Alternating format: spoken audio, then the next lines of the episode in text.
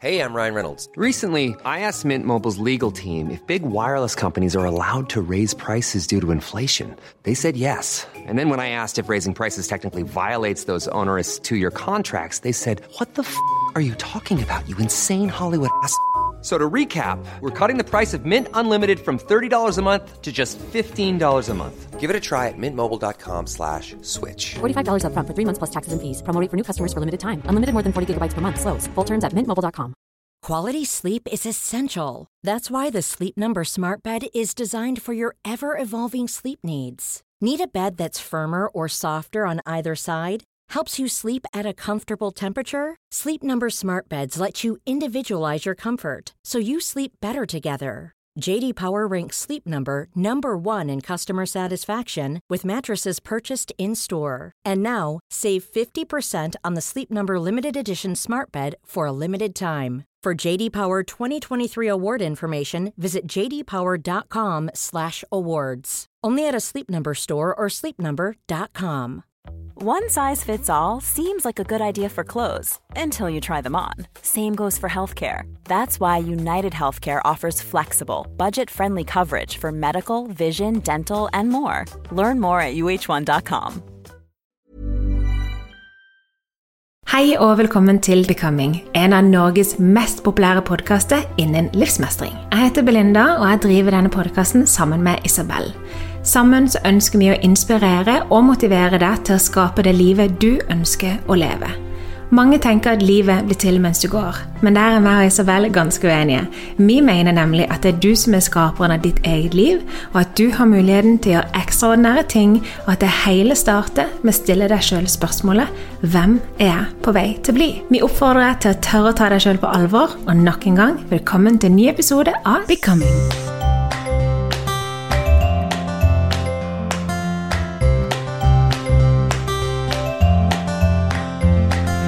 I veldig mange år så trodde jeg at perfeksjonisme, når folk snakker om dette her, at det handler om at mennesket ønsker å gjøre ting på en perfekt måte. Og jeg tenkte good for them, jeg ser virkelig ikke problemet. I etterkant så har jeg lært at perfeksjonisme det er en coping mechanism, nå mangler jeg det ordet på norsk, og at det er ofte noe man bruker for å, hvis man føler at man ikke er god nok i det man er. Og I sommer så leste jeg en bok som revolusjonerte livet mitt. Det er The Choice av Dr. Edith Eager, som jeg by the way har fått lov til å intervjue siden sist, men mer om det kommer senere.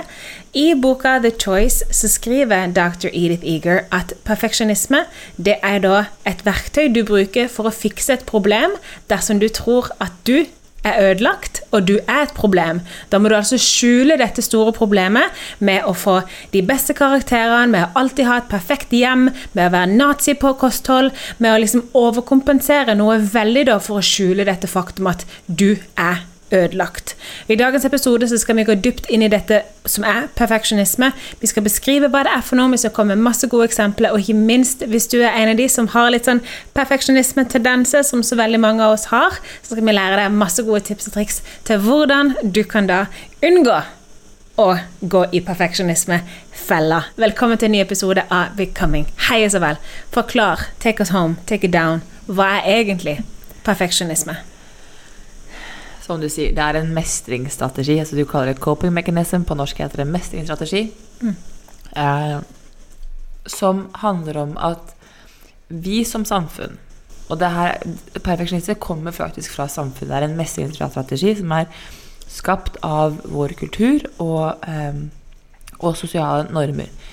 Som heter at vi tror, er lært opp til å tro, at vår verdi som menneske Jeg snakket om måte, verdi før, verdighet, men vår verdi som menneske At jeg er god nok når jeg. Ja. Når jeg mestrer noe. Eh, som betyr at jeg er kun god nok når jeg f.eks. Eh, jobber, når jeg er en god mor, når jeg vasker tøy, når jeg gjør rent hjemme, når jeg hvis jeg ikke gjør noen ting, da er jeg et uverdig menneske. Jeg er ikke bra som menneske. For vi har ikke lært å akseptere at vi er bra nok akkurat sånn som vi er. Det er en kjempeklisjé, Belinda. Og det er noe av det vanskeligste du kan akseptere. At jeg er god nok. det er Marissa Pair sa det før pandemien traff sånn ordentlig inn her for et par år siden, at den største pandemien i dagens samfunn, det er 'jeg er ikke god nok'-såret. Alle mennesker går med et, en eller annen versjon av 'jeg er ikke god nok'. Og det er veldig ofte hektet opp på ting du utfører, ting du gjør. Fordi, Og så sier de ok, eh, og så sier de at ja, det her er noe du kan jobbe med. Eh, og det er det. Men, og tilbake til dagens episode med perf perfeksjonisme, at perfeksjonisme er en måte å håndtere et 'jeg er ikke god nok'-sår på. Eller 'jeg er ikke en god nok følelse eller tanke på'. For det som skjer da, er at perfeksjonisme sier at hvis jeg blir perfekt, da, folkens, da er jeg god nok. Og jeg pleier å si til mine klienter at der jeg hører perfeksjonisme, der jeg ser tendenser til perfeksjonisme, der vet jeg at skam kommer hakk i hælene. Altså, det står rett bak. De går hånd i hansker, de to tingene. Og folk blir like sjokkert hver eneste gang. For de sier at ja, men Isabel, perfeksjonisme, det er jo greit. Det handler om å ville bli bedre. Ja. Og jeg mener at du har en gave og en, en gaveside og en skyggeside av hver egenskap. Perfeksjonisme er skyggesiden.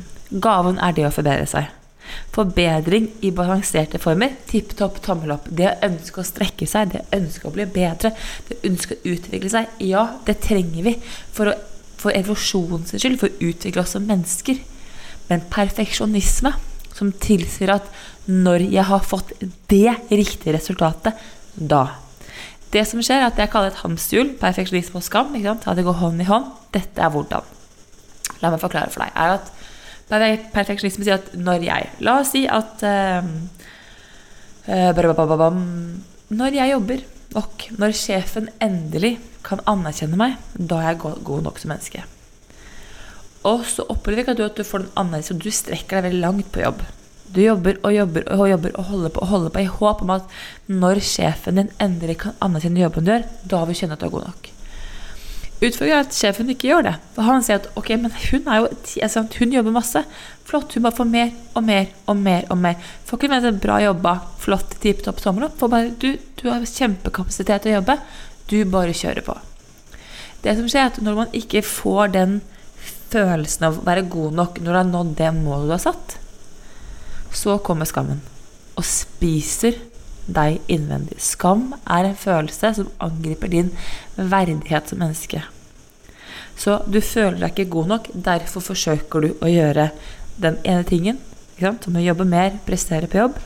Når du ikke føler at du presterer på jobb godt nok Du kan prestere, men du presterer ikke bra nok. Da kommer skammen og spiser på verdigheten din. Og så tenker du ok, neste gang så får jeg til. Men istedenfor å, å gå til samme mål, så har du økt målet. Så du ender opp med hele tiden put yourself up for failure. Altså du, du ender opp med å feile hver gang fordi målet du må nå, blir høyere og høyere og høyere. I et håp om at hvis jeg bare kommer dit, da slipper jeg følelsen av skam. Det skjer ikke. Du går et hamsterhjul. Og dette her, Belinda, sjokkerte meg, men har jeg sett så mye, det er det faktum at dette her er en av hovedårsakene til utbrenthet. Perfeksjonisme og den skamfølelsen, den kan få folk til å gå ekstremt langt på bekostning av seg selv. Jeg lurer på Jeg elsker når jeg får det sånne wow uh, realizations mens vi holder på å podde, men vi har jo snakka om dette med at jeg, jeg, fant ut av i fjor at jeg hadde en veldig sånn resultatbasert eh, forhold til kjærlighet. At jeg kunne tillate andre å elske meg når jeg hadde gjort meg fortjent til det. Og at jeg ble veldig sliten da jeg eh, flytta sammen og gifta meg med min mann. Fordi at eh, jeg hadde behov for å bevise meg for han hele tida, sånn at han kunne elske meg. Jeg husker jo, som jeg refererte flere ganger, spesielt en periode han var bortreist i et døgn, og jeg var skikkelig, skikkelig sliten. Vi har jo starta eget selskap, og det har vært, vært mye de siste årene. Em, og mens han var borte, så hadde jeg egentlig bare sånn et vanvittig behov for å bare ligge på sofaen og slappe av. Sove masse, se litt serie, bare hente meg litt inn. Um, dette var jo før jeg skjønte at eh, du kan hente deg inn mye mer med meditasjon enn du kan med binge Grace Anatomy, men det er nå så. Men um, det jeg gjorde da, var at istedenfor så pussa jeg opp et, et rom i huset vårt. Malte det, handla nye møbler, jeg gjorde det om til en TV-stue. Sånn at når han kommer hjem, så kunne jeg se, vise han Se, dette har jeg gjort mens du har vært borte. Jeg har gjort noe. Sant? Nå kan du elske meg. Nå kan du savne meg. Nå kan du synes at jeg er et bra menneske. Det jeg har holdt på med med min resultatbaserte kjærlighet, eh, er det perfeksjonisme. Ja. Fordi at det som skjer, er at du sier at han kan ikke elske meg hvis ikke jeg gjør det. Ikke sant? Hva hadde skjedd? Eh, Jeg, kjenner mannen din, så han hadde jo elsket deg uansett hva. Ja, ja. Eh, men, men følelsen av å bli elsket hadde vært vanskelig for deg å akseptere. For det er jo ikke, handler jo ikke om mannen din sin kjærlighet til deg. Det handler om din opplevelse, om du klarer å ta den imot. Jeg kunne ikke ta imot det, nei. Jeg ble litt irritert på henne òg. Når han sa for at eh, Når han sa at han elsker meg, så tenkte jeg Jeg, jeg vet ikke hvor mange ganger jeg har sagt til han Ja, ja, jeg har potensial. He-he-he. Hvis ikke jeg har gjort noen ting. Nå har jeg jo helt spesielt når jeg var syk i sommer og virkelig ikke gjorde noen ting på to uker. Løfta ikke en finger på noe som helst vis. Og jeg bare lå der som en jævla dronning og bare Love me! I'm amazing! Så det var veldig, veldig godt for meg. Jeg trengte den, fordi alle disse årene så har jeg vært utrolig mye med at jeg, jeg må gjøre noe, jeg må vise til noe, sånn at folk rundt meg kan, kan elske meg, da. Og det, og det er jo den tanken om at vi er verdig kjærlighet og oppmerksomhet når. Sant? Det er den som er skapt av samfunnet, det jaget etter, etter bekreftelse og anerkjennelse. Men vi skjønner ikke at det eneste vi faktisk søker bekreftelse, er fra oss selv. Det er jo tidenes største klisjé, men det er faktisk helt sant. Det er den, der, den oppmerksomheten, den tiden, det å lytte til seg selv, er jo det vi egentlig søker. Men vi tror vi må få det fra alle andre, for det er det vi er lært opp til. Vi er lært opp til at hvis andre sier jeg er god nok, da er det greit. Ja. Hvis andre mennesker eh, syns jeg har en fin stil, da er det greit. Hvis andre mennesker sier ditt eller datt Og i en tidlig episode så snakket jeg om om Neurographica og modellen der sånn at kroppen representerer sansene våre. Eh, føle, lukte, smake, høre. Følelsene er jo liksom litt det språket som uttrykker sansene våre. Og så er det tolkningen fra følelser til hodet, som er tankene. Du kan tolke en følelse positivt, og du kan tolke en følelse negativt. Men det er vår tolkning av følelsen. Og det er jo veldig mange mennesker er at vi har en følelse at vi ikke er gode nok. Og så er det tolket til at det er fordi jeg ikke har.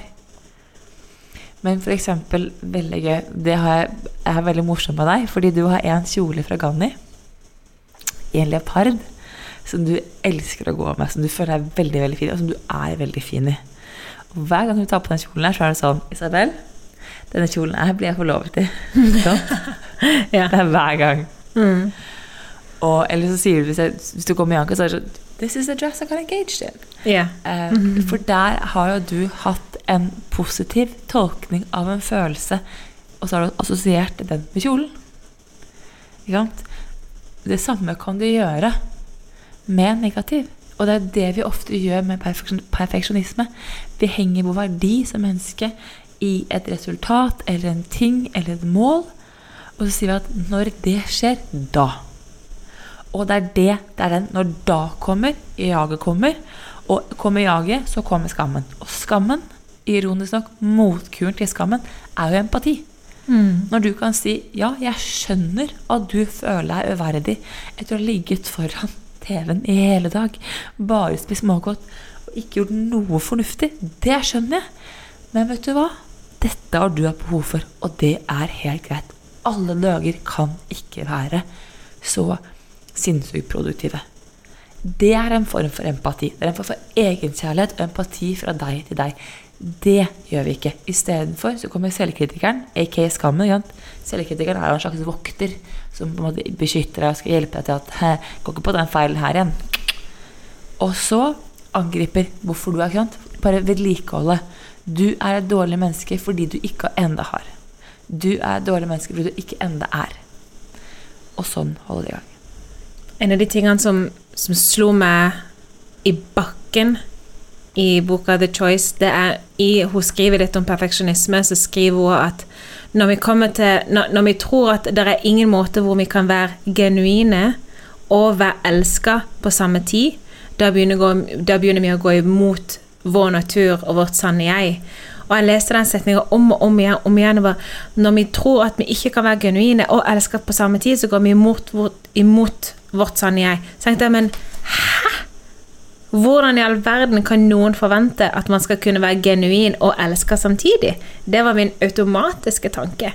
Og da skjønte jeg jo hvor mye av min sanne natur som jeg har gått imot, og hvor ofte jeg har ikke tillatt andre å elske meg fordi jeg ikke føler meg verdig å bli elska på de områdene. Så jeg føler meg kun verdig å bli elska når jeg kan liksom vise til dette kan du elske. Du kan elske min evne til å hjelpe deg i bedrift. Du kan elske min evne til å skape et hyggelig eh, tennesterinlys og eh, liksom eh, Når vi har kids og sånne ting, vi gjør liksom ting veldig koselig. Sant? Du kan elske meg for det. Du kan elske meg for at jeg prøver å lage mat. Jeg sier prøve, veldig ofte så feiler. Du kan elske meg for at jeg er flink med planter. Du kan elske meg fordi at jeg er snill og en god lytter. Disse tingene kan du elske meg for. Men hvis du fratar meg de tingene, hva pokker skal du elske meg for da? Og da jeg flytta til Spania, så gikk jeg jo gjennom en litt sånn en eksistensiell krise. Jeg kommer sikkert til å gå gjennom mange av de fremover. Men i Norge så var jo jeg tante, søster og eh, datter. Jeg var jo bonusmor og kone, men det jeg fortsatt. Men tante, søster, datter, de tre tingene der, det var noe som jeg jeg følte at mine søstre kunne elske meg når jeg kunne være en skikkelig skikkelig god tante, eller når jeg kunne være, hjelpe dem med ting. Og med mamma så kunne jeg liksom Hvis jeg kunne gjøre noe godt mot henne, så skulle hun få lov til å elske meg. Sant? Men når jeg da kom til Spania og ikke lenger var på fulltid tante, søster og datter, så ble jo jeg veldig veldig stressa og veldig nervøs og veldig redd og veldig lei meg, og jeg gråt hele tida. Og jeg skjønte ikke hva det er som skjer. Og én ting er jo at den identiteten jeg hadde, den måtte bort, men en annen ting var jo at nå, jo, nå kan jo ingen elske meg. Hva skal de elske meg for nå? At jeg bare sitter her på ræva og bygger et fint liv for meg sjøl? Hvem pokker elsker en sånn en person? Jeg følte meg så egoist, jeg følte meg så selvsentrert, jeg følte meg så uverdig alle andre sin kjærlighet. Fram til jeg da gikk i dybden på dette her og kom opp igjen og liksom bare begynte å skape. og bare, ok, nå kan alle komme til meg og liksom drink from my well. Men dette med å være genuin og være elska samtidig, den syns jeg er så sterk. Og det er så vanskelig, for det betyr at du må, du må helt ned og være helt sårbar og helt naken og stelle deg opp foran de menneskene du er glad i, og bare OK, I'm here. You can love me. I don't have to do anything. I'm worthy of being loved. Og vet du hvordan jeg fant ut at dette her er mulig? Du vet Når du ser mennesker på Instagram, TikTok, whatever, så er de sånn Hi, loves, or de avslutter liksom med I love you. Så jeg så, Fuck you. Du elsker ikke meg. Du kjenner ikke meg. Hva faen du snakker om dust? Sant? Jeg tenkte sånn amerikanisert idioti. Så gikk det opp for meg at alle hunder som jeg ser på Instagram eller TikTok, alle hunder jeg kjører forbi i gata, alle hunder jeg ser gå på tur, jeg elsker de, Isabel. Av hele mitt hjerte. Elsker de like høyt som jeg elsker mine to egne. Og jeg hadde gjort hva som helst for at alle hunder på denne jord skal føle seg elska. Så spurte jeg min mann jeg bare du, tror du at dette her når andre folk sier liksom til fremmede I love you, tror du at det er faktisk det jeg føler for andre hunder? For jeg kan oppriktig si at jeg elsker hunder jeg aldri har sett. Av hele mitt hjerte så kan andre mennesker elske andre mennesker som de aldri har sett før. Det var en liten digresjon. Det er en fin digresjon. Det er veldig fint, for det handler jo om måte, det å tillate seg selv å elske. Og det å tillate seg selv å bli elsket. Jeg har mm. snakket mm. om det før. Det er ni å ta. Vi mennesker er veldig gode på å gi, vi er veldig dårlige på å ta. Ikke sant? Ja. Vi er veldig dårlige på å ta imot ting. Små barn, verdensmestere, de, de tar imot alt. Små barn tar imot kjærlighet. De elsker kjærlighet. Mm. Gi meg mer, gi meg mer, gi meg mer. Jo eldre vi blir, jo mindre kjærlighet ønsker vi å ta. Og skal vi ta imot kjærlighet, skal det veldig gjerne være i en form som er veldig spesifikk, veldig enkel å håndtere. Og Dette her er jo igjen den der tanken Det her er ikke perfeksjonisme, det er følelsen av å, av å, følelsen av å være uverdig. Men skal du kunne klare å jobbe med den perfeksjonismen Jeg tror alle mennesker har en form for perfeksjonisme i seg. Um, Brené Bounce de snakker om det i, um, i dokumentarene hennes. Hun har en dokumentar på Netflix som heter A Call to Courage. Og hun har en kjent TED-talk om sårbarhet, hvor hun sier at dørvokteren til sårbarhet, det er skam. Du må gjennom skammen din for å kunne klare å være sårbar. Og det fins ikke noe mer genuint i mennesker enn vår sårbarhet. Det fins ei heller noe mer skummelt enn vår sårbarhet. Som Iris sier, du kan være genuin og bli elsket samtidig. Hun sier at du kan være sårbar og bli elsket samtidig. Men det er veldig skummelt, for det å være genuin, det å kle seg helt naken, det å si ok, her er jeg. Dette er meg. Ingen, altså ingen skal, ingen skjul, ingenting. Dette er meg. Det er superskummelt, for da er frykten for avvisning så stor. Jeg har tidligere snakket om i podcasten snakket om det falske jeget. ikke sant? At når foreldre speiler sine barn som, altså, Barn blir eh, Jeg blir meg gjennom deg, og en tanke som skjer med vi er foreldre. Når barn speiler feil følelse i foreldre, så står barnet i et, i et dilemma, og så må de velge ok, skal jeg velge mamma eller meg. Da velger de veldig ofte foreldrene sine for frykten for avvisning. Så det ender opp med at de spalter seg litt, og så har de et falskt seg og et autentisk seg. ikke sant? Det autentiske er det den følelsen de faktisk føler. Det falske følelsen er den mamma og pappa tror jeg føler. Og det er veldig trygt å være i den falske følelsen. Det er jo ikke deg. Og det er det veldig mange mennesker som lever i det falske seiet. Det er jo deres, det er beskyttelse. Det er, det er min beskyttelse. Når jeg er beredd, så går jeg automatisk til det falske meg. Det er jo tilbake til det spørsmålet som ingen vet svaret på. Hva vil du? Ja. Hva vil du ha? Ja.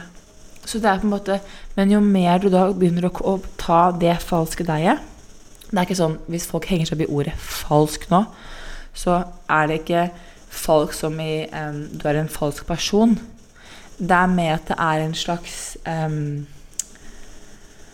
Det er ikke deg, da. Det er en, det er en bygget persona du har laget på deg selv. For eksempel du- når du er veldig, veldig sint for å beskytte det faktum at du egentlig er veldig, veldig trist. Ja. Jeg har for eksempel vært veldig lei meg. Det har jeg ikke håndtert. Ikke sant? Det har folk ikke rundt meg håndtert, så jeg har valgt å heller bli veldig sint istedenfor. Det kan folk håndtere. Så da er min, mitt sinne er på en måte mitt falske med. Så det er en, måte en bygget persona og identitet du skaper, rett og slett. Som Og her er det jo clouet. Det er det at Eller hvor var jeg? Nå mista jeg helt Jeg var inni et eller annet, så bare Ja, det skjer med meg altså, annethvert minutt hvis jeg er til noe som helst eh, trøst. Men det å være det, det falske jeget man setter opp, at man er ikke falsk man, Det er egentlig at man bare ikke er helt sikker på hva som egentlig er bak der. Ja. Jeg tror ikke de fleste Jo. vet hva man egentlig føler. Jo, og så er jo, jo, nå er jeg tilbake. Hvis du kan klare å hente opp det falske deg, eller det um, beskyttelsesskapen med deg, da, og samle det med det autentiske, da får du den personen du er. Det jeg kaller det falske, det er alt det du har lært av samfunnet. Det autentiske deg er den du faktisk er. Ikke sant? Du er god nok akkurat sånn som du er. Det er ditt autentiske deg. Jeg må prestere for å bli elsket. Det er det falske deg ditt. Det er det vi har lært av samfunnet.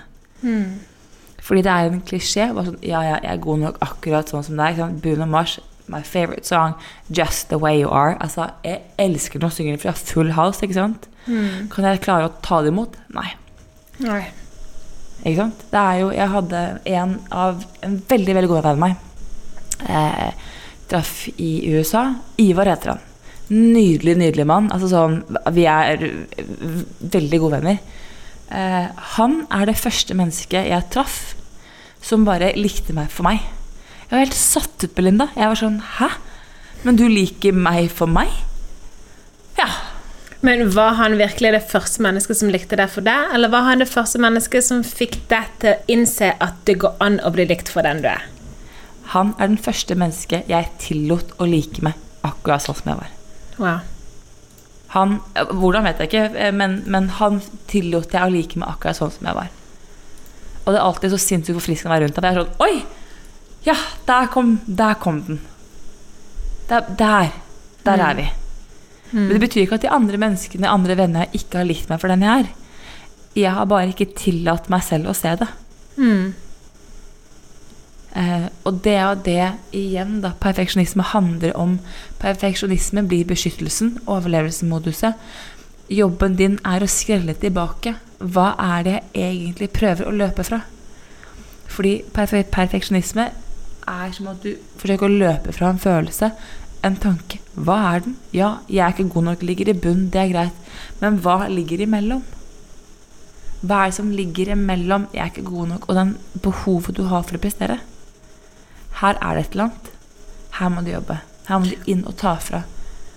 Og så vil jeg bare si at eh, Det var ikke meningen å avbryte, men jeg vil bare si at selvkritikeren er også stemmen til perfeksjonisme.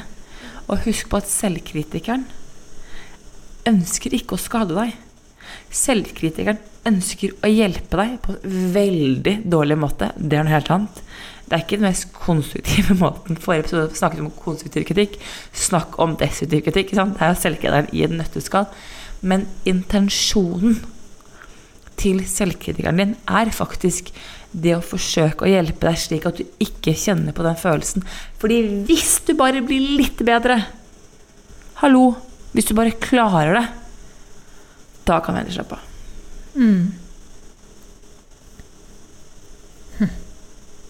Jeg har helt glemt hva jeg skulle si. Dette er veldig, det, gir opp, det, det er veldig mange ting som kommer til meg òg. jeg står jo fortsatt i den fasen i livet hvor jeg holder på å jobbe med å være genuin og få lov til at meg sjøl blir elska samtidig.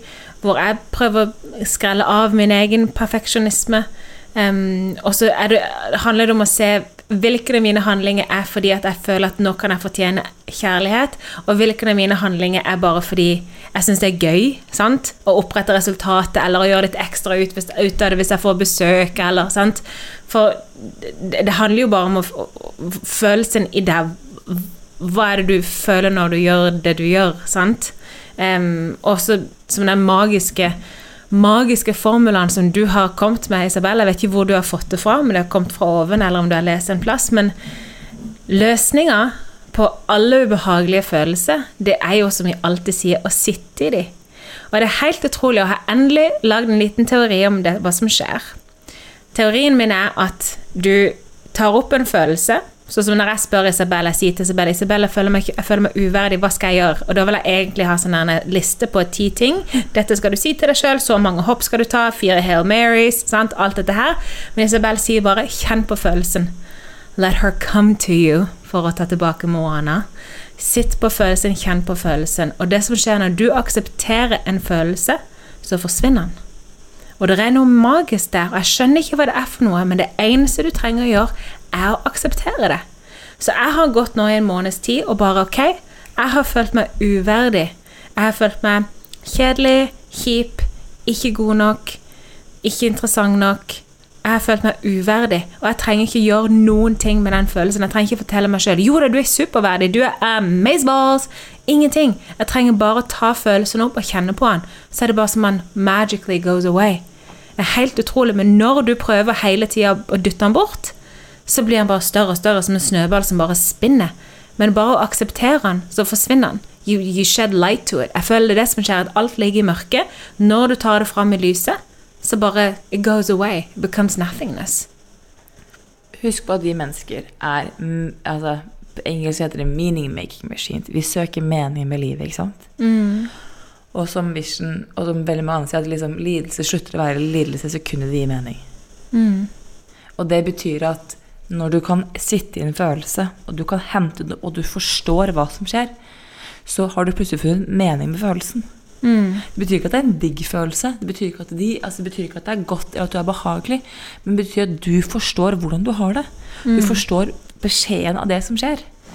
Og fordi det jeg også sier, er at det er jo ikke bare å sitte i en følelse. Altså, ok, når har jeg følt den her før? Ja. Du, si, du kommer jo til å si at ok, når har jeg følt den her før? Hva er det det her forsøker å fortelle meg? Jeg sier at følelser er beskjed... Nei, jeg sier ikke. Jeg sier at følelser er energi i bevegelse. og at følelse er kroppens språk til deg. Så når en følelse kommer, og du ikke klarer å ta tak i den, hva er det den forsøker å fortelle deg? Og så er det når du får skrelle det laget der, da kan du begynne å være sånn Ok, greit. Og veldig ofte så er det aldri det, altså, det, er aldri det første du ser. Jeg ser for meg at det er som en bløtkake. Eller en kake med veldig mange lag. Eneste du ser, er at du ser hvit glasur. Det kan være så sinnssykt mange. Det kan være bløtkake, det kan være gulrotkake, det kan være ostekake, det kan være red velvet. Eneste måten å finne ut av hva som er inni kaken, er faktisk for å ta et stykke og ta den ut. Mm. Og det er det det handler om, og det å klare å komme eh, Det er det det handler om å kunne klare å finne ut av hva det egentlig føler. Fordi når du finner ut hva er følelsen, sitt i følelsen, sitt, kom helt i dybden og sitt i den, så er det som du går ned, skreller lagene på kaken, så er det, å ja, dette er uverdighet. Eller nå føler jeg meg utrygg. Og det er helt greit. Igjen, jeg sier at perfeksjonisme og, hånd, perfeksjonisme og skam går hånd i hånd. Motkuren til skam er empati, folkens. Egenempati, egenkjærlighet.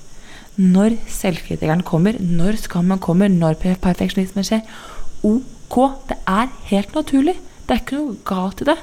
Spørsmålet er ikke om det skjer, det er når det skjer. Og så er spørsmålet hva skal du gjøre for å møte deg selv? Hva kan du gjøre for å møte deg selv når den, den perfeksjonismen eller skammen eller følelsen av ubehag kommer? Personlig så er jeg sånn at ok, jeg kjenner på et ekstremt ubehag. Det er greit. Det er også det dere sier si å være menneske. Mm. Vi skal, altså Det ubehaget er ment å kjennes på. Jeg er ment å sitte i det. For jo mer jeg tør å sitte i det, jo mer kan jeg romme.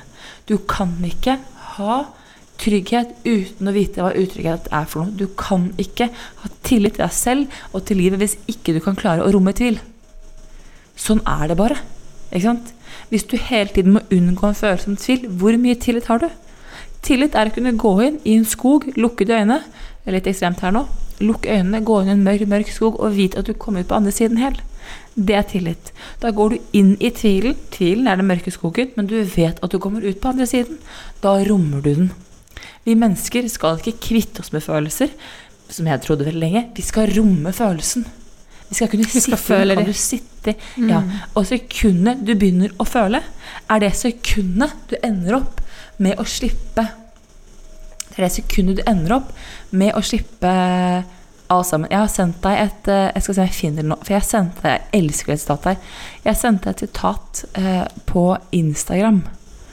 Eh, Mens du leter opp det, så kan jeg dele et annet et. Uh, og det, jeg, jeg husker ikke helt hvor det kommer fra, men når det sekundet du begynner å føle, er det sekundet du begynner å hele. Og det er så viktig det, fordi at det gjentar oss sjøl til det kjedsommelige her, men det er ikke følelsene du holder inne som gjør deg dårlig. Det, det, det, det er ikke følelsene du slipper ut som gjør deg dårlig, det er følelsene du holder inne som gjør deg dårlig. Og den eneste måten til å komme gjennom det, det er med å føle følelsene. Følelsene er der for at du skal følge dem.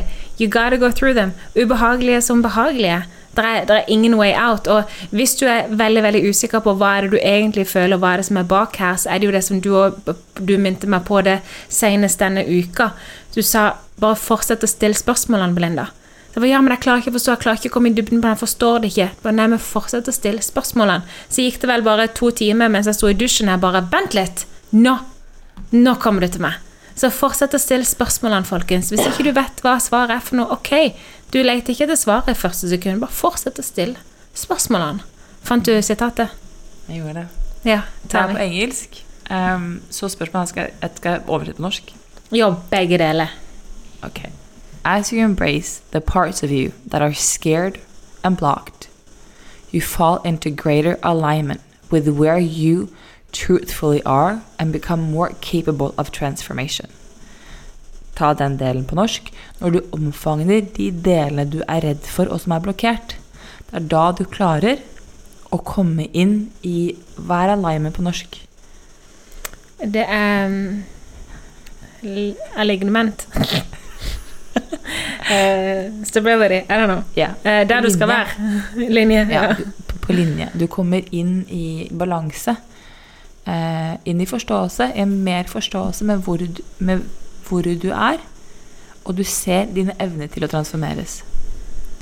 Instead of looking for your worth hustling for achievement, when you embrace your feeling on, of unworthiness, ironically, you see that you're whole.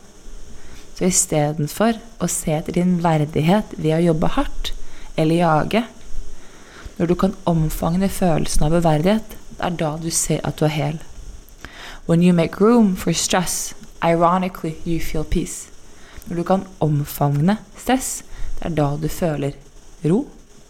When you welcome loneliness, ironically you feel connected. Når du kan ønske ensomhet velkommen, det er da du føler deg connected. It is our judgment of the fear that keeps us stuck, not the fear itself. Det er våre fordommer og frykt for følelsen og frykten som holder oss stuck, ikke frykten i seg selv.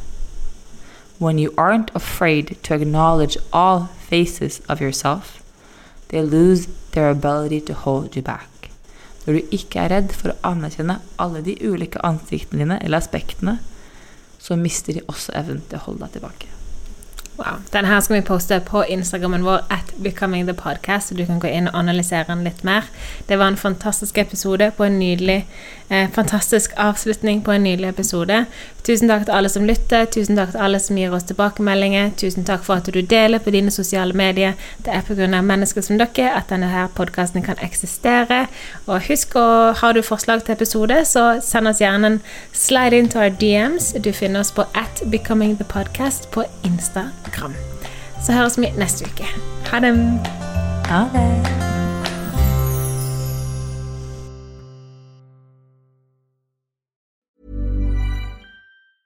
Hey, it's Danny Pellegrino from Everything Iconic. Ready to upgrade your style game without blowing your budget? Check out Quince. They've got all the good stuff shirts and polos, activewear, and fine leather goods, all at 50 to 80% less than other high end brands. And the best part? They're all about safe, ethical, and responsible manufacturing. Get that luxury vibe without the luxury price tag. Hit up quince.com slash upgrade for free shipping and 365 day returns on your next order. That's quince.com slash upgrade. Hold up. What was that? Boring. No flavor. That was as bad as those leftovers you ate all week. Kiki Palmer here, and it's time to say hello to something fresh and guilt-free. Hello Fresh. Jazz up dinner with pecan-crusted chicken or garlic butter shrimp scampi. Now that's music to my mouth. Hello Fresh. Let's get this dinner party started. Discover all the delicious possibilities at hellofresh.com. Planning for your next trip? Elevate your travel style with Quince. Quince has all the jet setting essentials you'll want for your next getaway, like European linen, premium luggage options, buttery soft Italian leather bags, and so much more. And is all priced at 50 to 80% less than similar brands. Plus, Quince only works with factories that use safe and ethical manufacturing practices. Pack your bags with high-quality essentials you'll be wearing for vacations to come with Quince. Go to quince.com/pack for free shipping and 365-day returns. Mom deserves the best, and there's no better place to shop for Mother's Day than Whole Foods Market. They're your destination for unbeatable savings, from premium gifts to show-stopping flowers and irresistible desserts. Start by saving 33% with Prime on all body care and candles. Then get a 15-stem bunch of tulips for just $9.99 each with Prime. Round out Mom's menu with festive rosé, irresistible berry chantilly cake, and more special treats. Come celebrate Mother's Day at Whole Foods Market.